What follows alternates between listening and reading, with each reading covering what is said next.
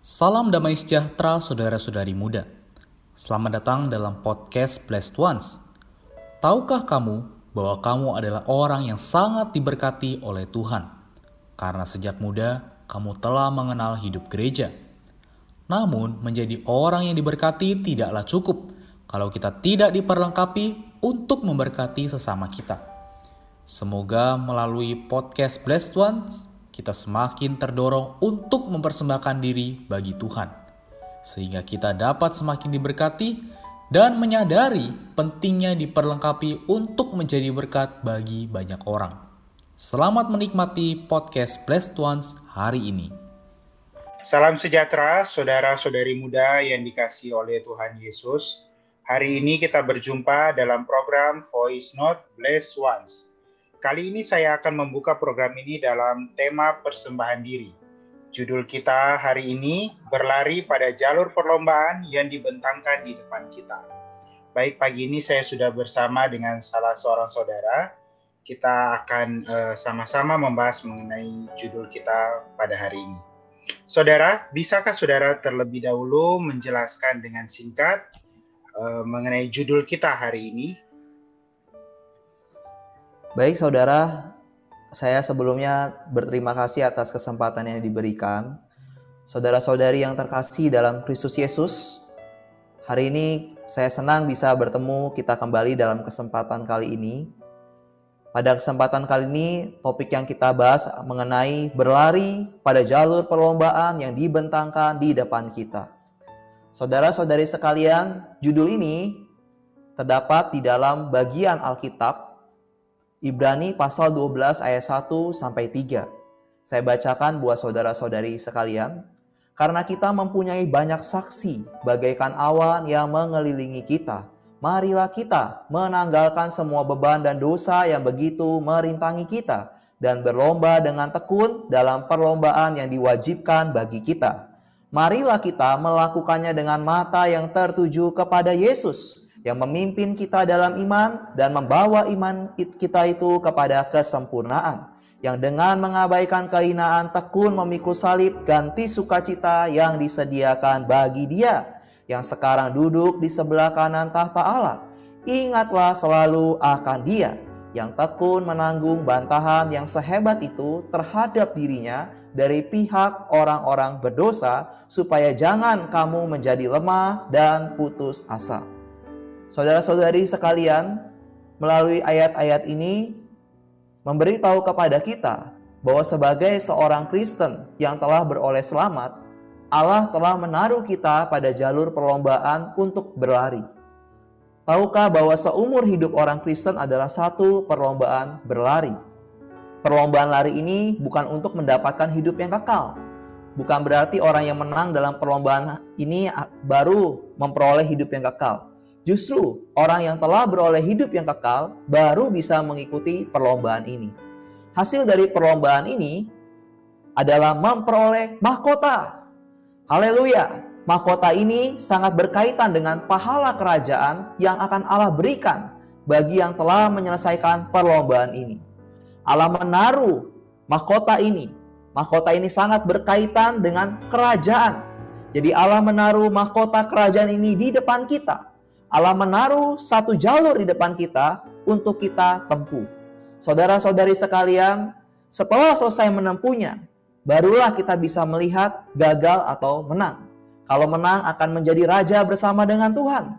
Kalau gagal, meskipun tetap beroleh selamat, tetapi tidak mempunyai bagian dalam kemuliaan.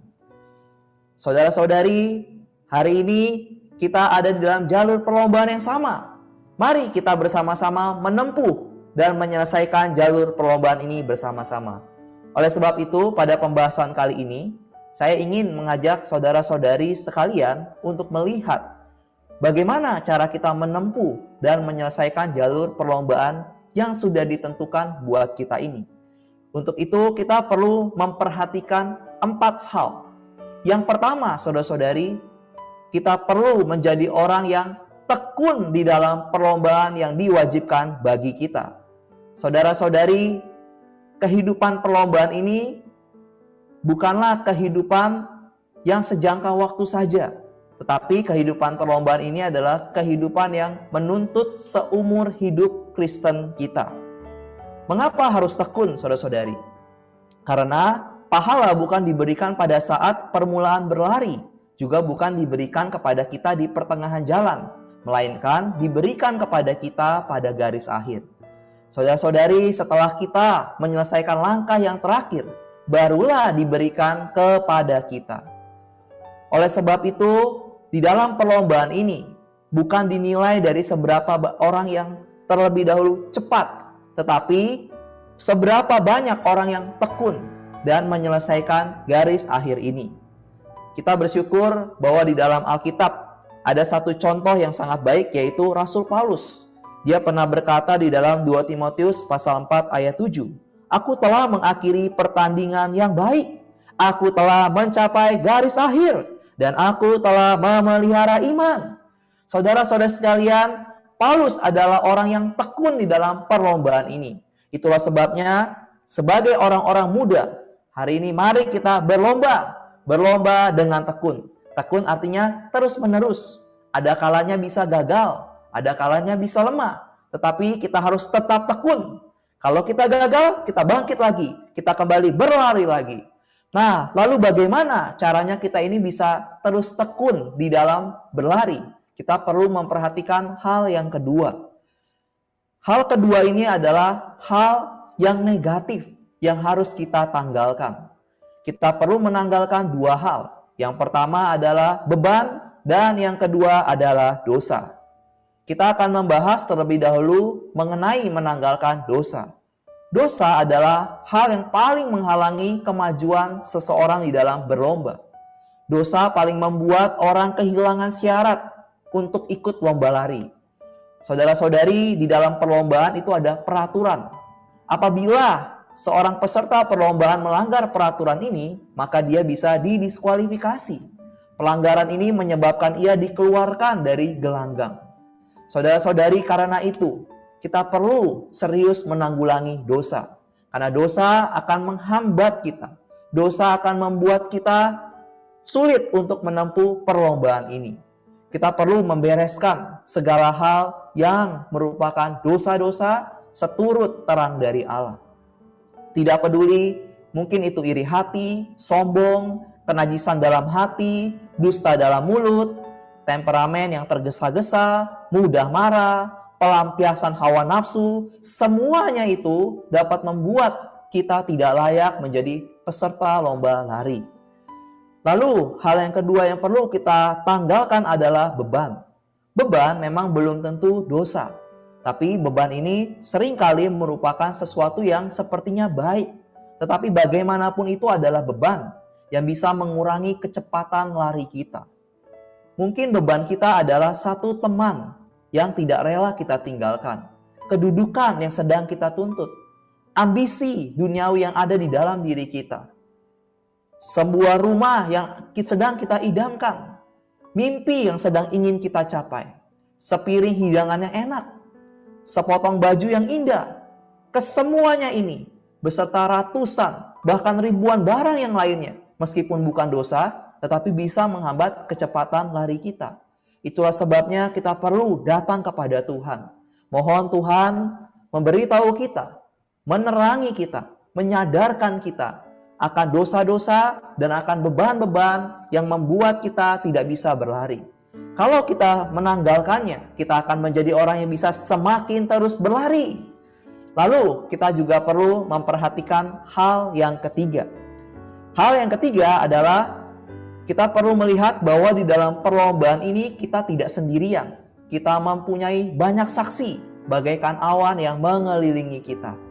Saudara-saudari muda, di dalam perlombaan ini kita tidak berlari sendirian untuk mendapatkan juara. Tetapi kita di sini berlari bersama-sama. Hari ini, di dalam perlombaan ini kita tidak bisa menjadi orang Kristen yang sendirian. Kita perlu saudara-saudari yang lainnya untuk saling menopang, untuk saling menguatkan kita. Saudara-saudari, di depan kita sudah banyak teladan. Mereka yang terlebih dahulu ada di dalam jalur perlombaan ini dan mereka juga menyelesaikan garis akhir. Semoga saudari melihat teladan-teladan di depan kita, kita semakin terdorong semakin berlomba. Lalu kita juga harus ingat, di sekeliling kita juga banyak sekali orang-orang Kristen yang lainnya. Mereka sedang bersama-sama dengan kita berlomba. Jadi kita tidak sendirian. Saudara-saudari, ada kalanya kita gagal, tapi ingatlah kita tidak sendirian. Mari kita bangkit lagi, kita menempuh jalur perlombaan ini lagi. Lalu saudari yang terakhir, poin yang keempat, kita perlu memiliki mata yang tertuju kepada Yesus. Mengapa saudari kita perlu memiliki mata yang tertuju kepada Yesus? Karena Yesus adalah yang memimpin kita. Yesus adalah persona yang terlebih dahulu ada di dalam jalur perlombaan ini dan telah menyelesaikan garis akhir. Yesus tidak gagal, dia sudah berhasil melewati perlombaan ini. Oleh sebab itu, saudara-saudari, kita perlu terus memandang kepada Yesus. Terkadang kita melihat sekeliling kita, kita mungkin bisa kecewa akan situasi kita. Lalu kita melihat diri kita sendiri, kita juga kecewa terhadap diri kita sendiri. Saudara-saudari, mari kita berpaling dari segala situasi, dari diri kita sendiri kepada Yesus. Haleluya, saudari. Ketika kita berpaling kepada Yesus, oh, di sini seperti Yesus, dia mengabaikan kehinaan, tekun memikul salib ganti sukacita yang disediakan bagi dia. Dan sekarang dia duduk di sebelah kanan tahta Allah. Saudara-saudari, kalau kita terus memandang kepada Yesus, memang tidak menutup kemungkinan akan ada kesulitan, akan ada hambatan yang menghalangi kita. Tetapi saudari, pandangan kita terhadap Yesus akan membuat kita terus memandang kepada dia dan terus maju di dalam perlombaan ini. Lalu saudari, melalui kita terus memandang kepada Yesus, kita akan menjadi orang yang ingat selalu akan dia. Saudari, mengingat Yesus, dia tekun menanggung bantahan yang sehebat itu terhadap dirinya. Waktu Yesus menempuh jalur perlombaan ini, dia juga tidak mudah melewatinya. Ada bantahan terhadap dirinya dari orang-orang berdosa. Saudara-saudari, tetapi dia tidak menjadi lemah dan dia tidak menjadi putus asa. Itulah sebabnya melalui kita terus-menerus tertuju kepada Yesus, maka kita akan menjadi orang yang terus maju. Kita tidak menjadi orang yang lemah, kita tidak menjadi orang yang putus asa. Baik, saudara-saudari, semoga di dalam perlombaan kita sebagai orang Kristen sampai akhir perlombaan ini kita menjadi orang yang memperhatikan empat perkara ini. Puji Tuhan. Ya, jadi saudara-saudari ada empat hal ya yang harus kita perhatikan. Tadi sudah ditekankan oleh saudara kita yang di depan ya. Jadi kita harus tekun di dalam jalur perlombaan ini. Kemudian kita harus menanggalkan beban dan dosa dan kita tidak berlari sendiri, tapi kita berlari bersama-sama dengan semua orang kudus. Yang terakhir, mata kita ketika sedang berada dalam jalur ini haruslah mata yang tertuju pada Yesus. Oke, saudara, uh, bisakah saudara membagikan sedikit pengalaman atau teladan uh, dari judul kita yang kita bahas hari ini? Baik, saudara-saudari sekalian, di dalam pengalaman saya juga menemukan bahwa kehidupan perlombaan ini memang tidaklah mudah. Ada kalanya saya bisa berlari dengan kencang, namun saya juga pernah terjatuh dan gagal, dan sulit sekali bangkit untuk bisa berlari. Namun ada satu firman Tuhan yang menguatkan saya. Firman itu ada di dalam Filipi pasal 3 ayat 13 sampai 14. Di dalam ayat ini Rasul Paulus berkata, "Tetapi ini yang kulakukan, Aku melupakan apa yang telah di belakangku dan mengarahkan diri kepada apa yang di hadapanku dan berlari-lari kepada tujuan untuk memperoleh hadiah yaitu panggilan surgawi dari Allah dalam Kristus Yesus. Saudara-saudari, dari perkataan ini Tuhan menunjukkan kepada saya bahwa perlombaan ini memang tidak mudah. Namun saya tidak boleh menyerah. Saya harus belajar melupakan apa yang telah di belakang melupakan kegagalan saya dan saya harus terus berlari. Saudara-saudari, hal ini menuntut saya terus-menerus berlari.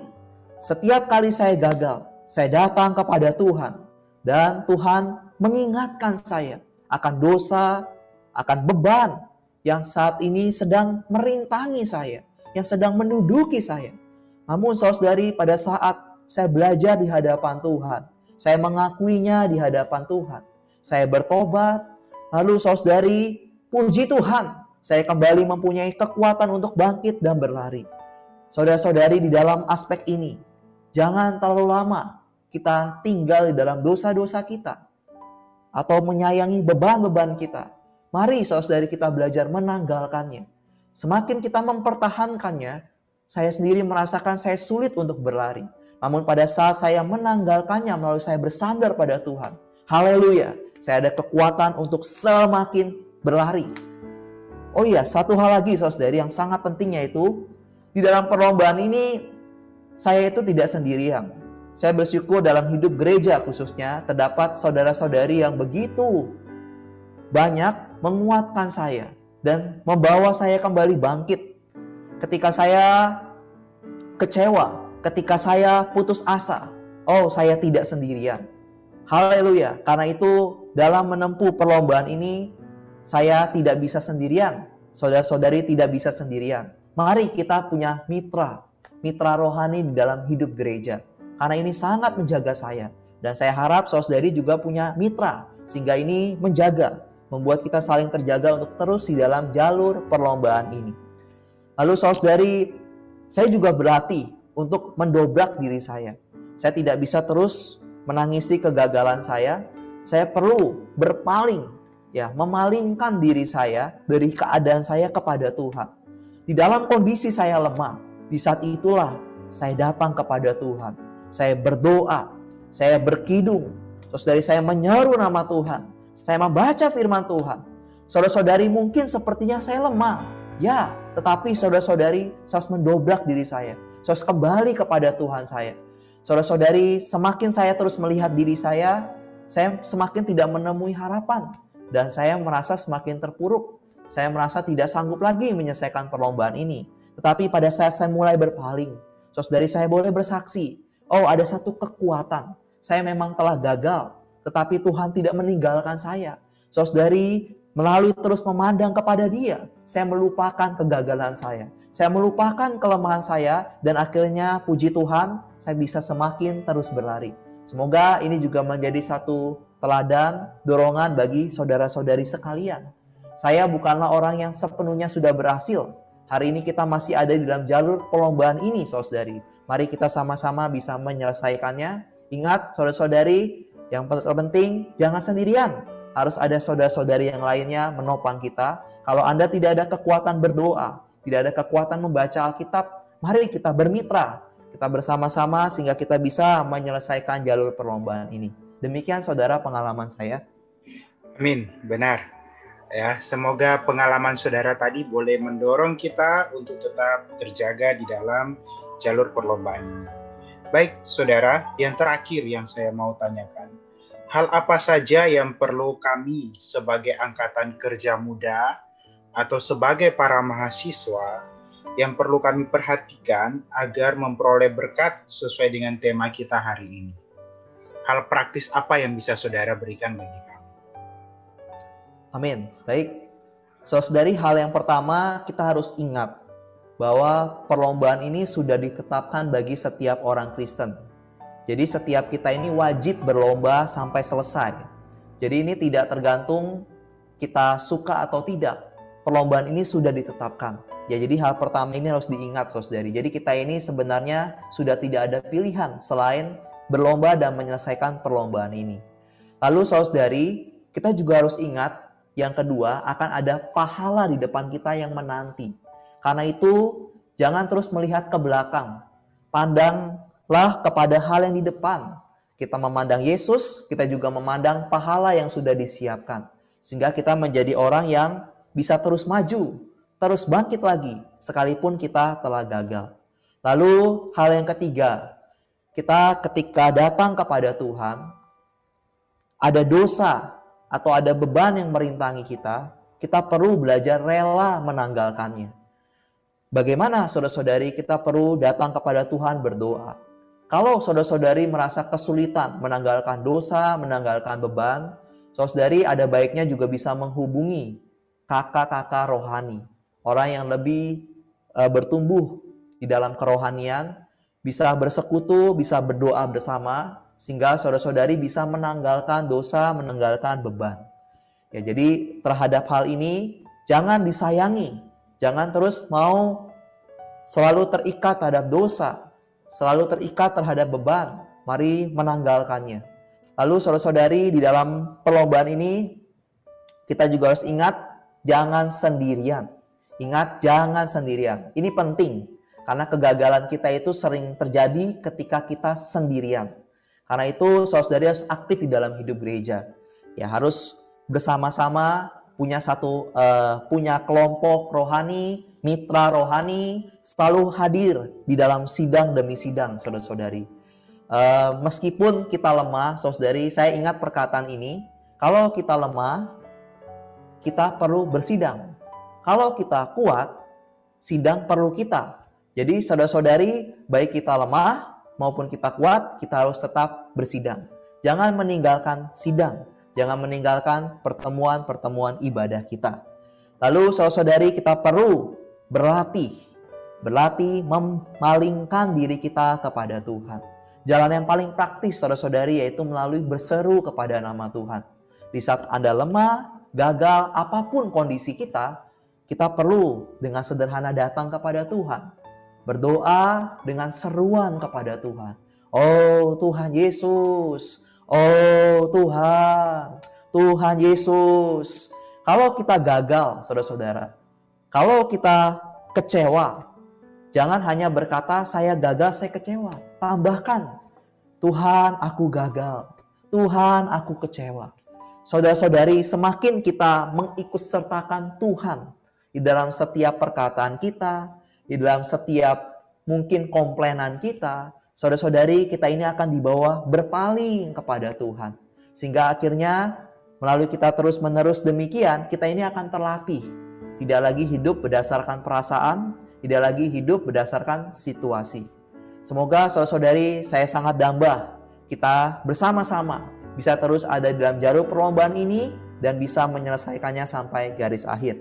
Semoga kasih karunia-Nya bisa membawa kita melampaui segala kesulitan sehingga pada akhirnya kita bersama-sama menyelesaikan perlombaan ini. Puji Tuhan. Baik, terima kasih saudara. Eh, semoga apa yang sudah disampaikan bisa menjadi dorongan dan bantuan bagi kita hari ini orang-orang muda. Demikian saudara-saudari muda yang dikasih oleh Tuhan Yesus. Sampai berjumpa kembali dalam program Voice Note Bless Ones berikutnya. Tuhan Yesus memberkati. Sekian podcast Blessed Ones hari ini. Kami akan kembali pada podcast berikutnya. Anugerah dari Tuhan Yesus Kristus dan kasih Allah dan persekutuan Roh Kudus menyertai kita semua.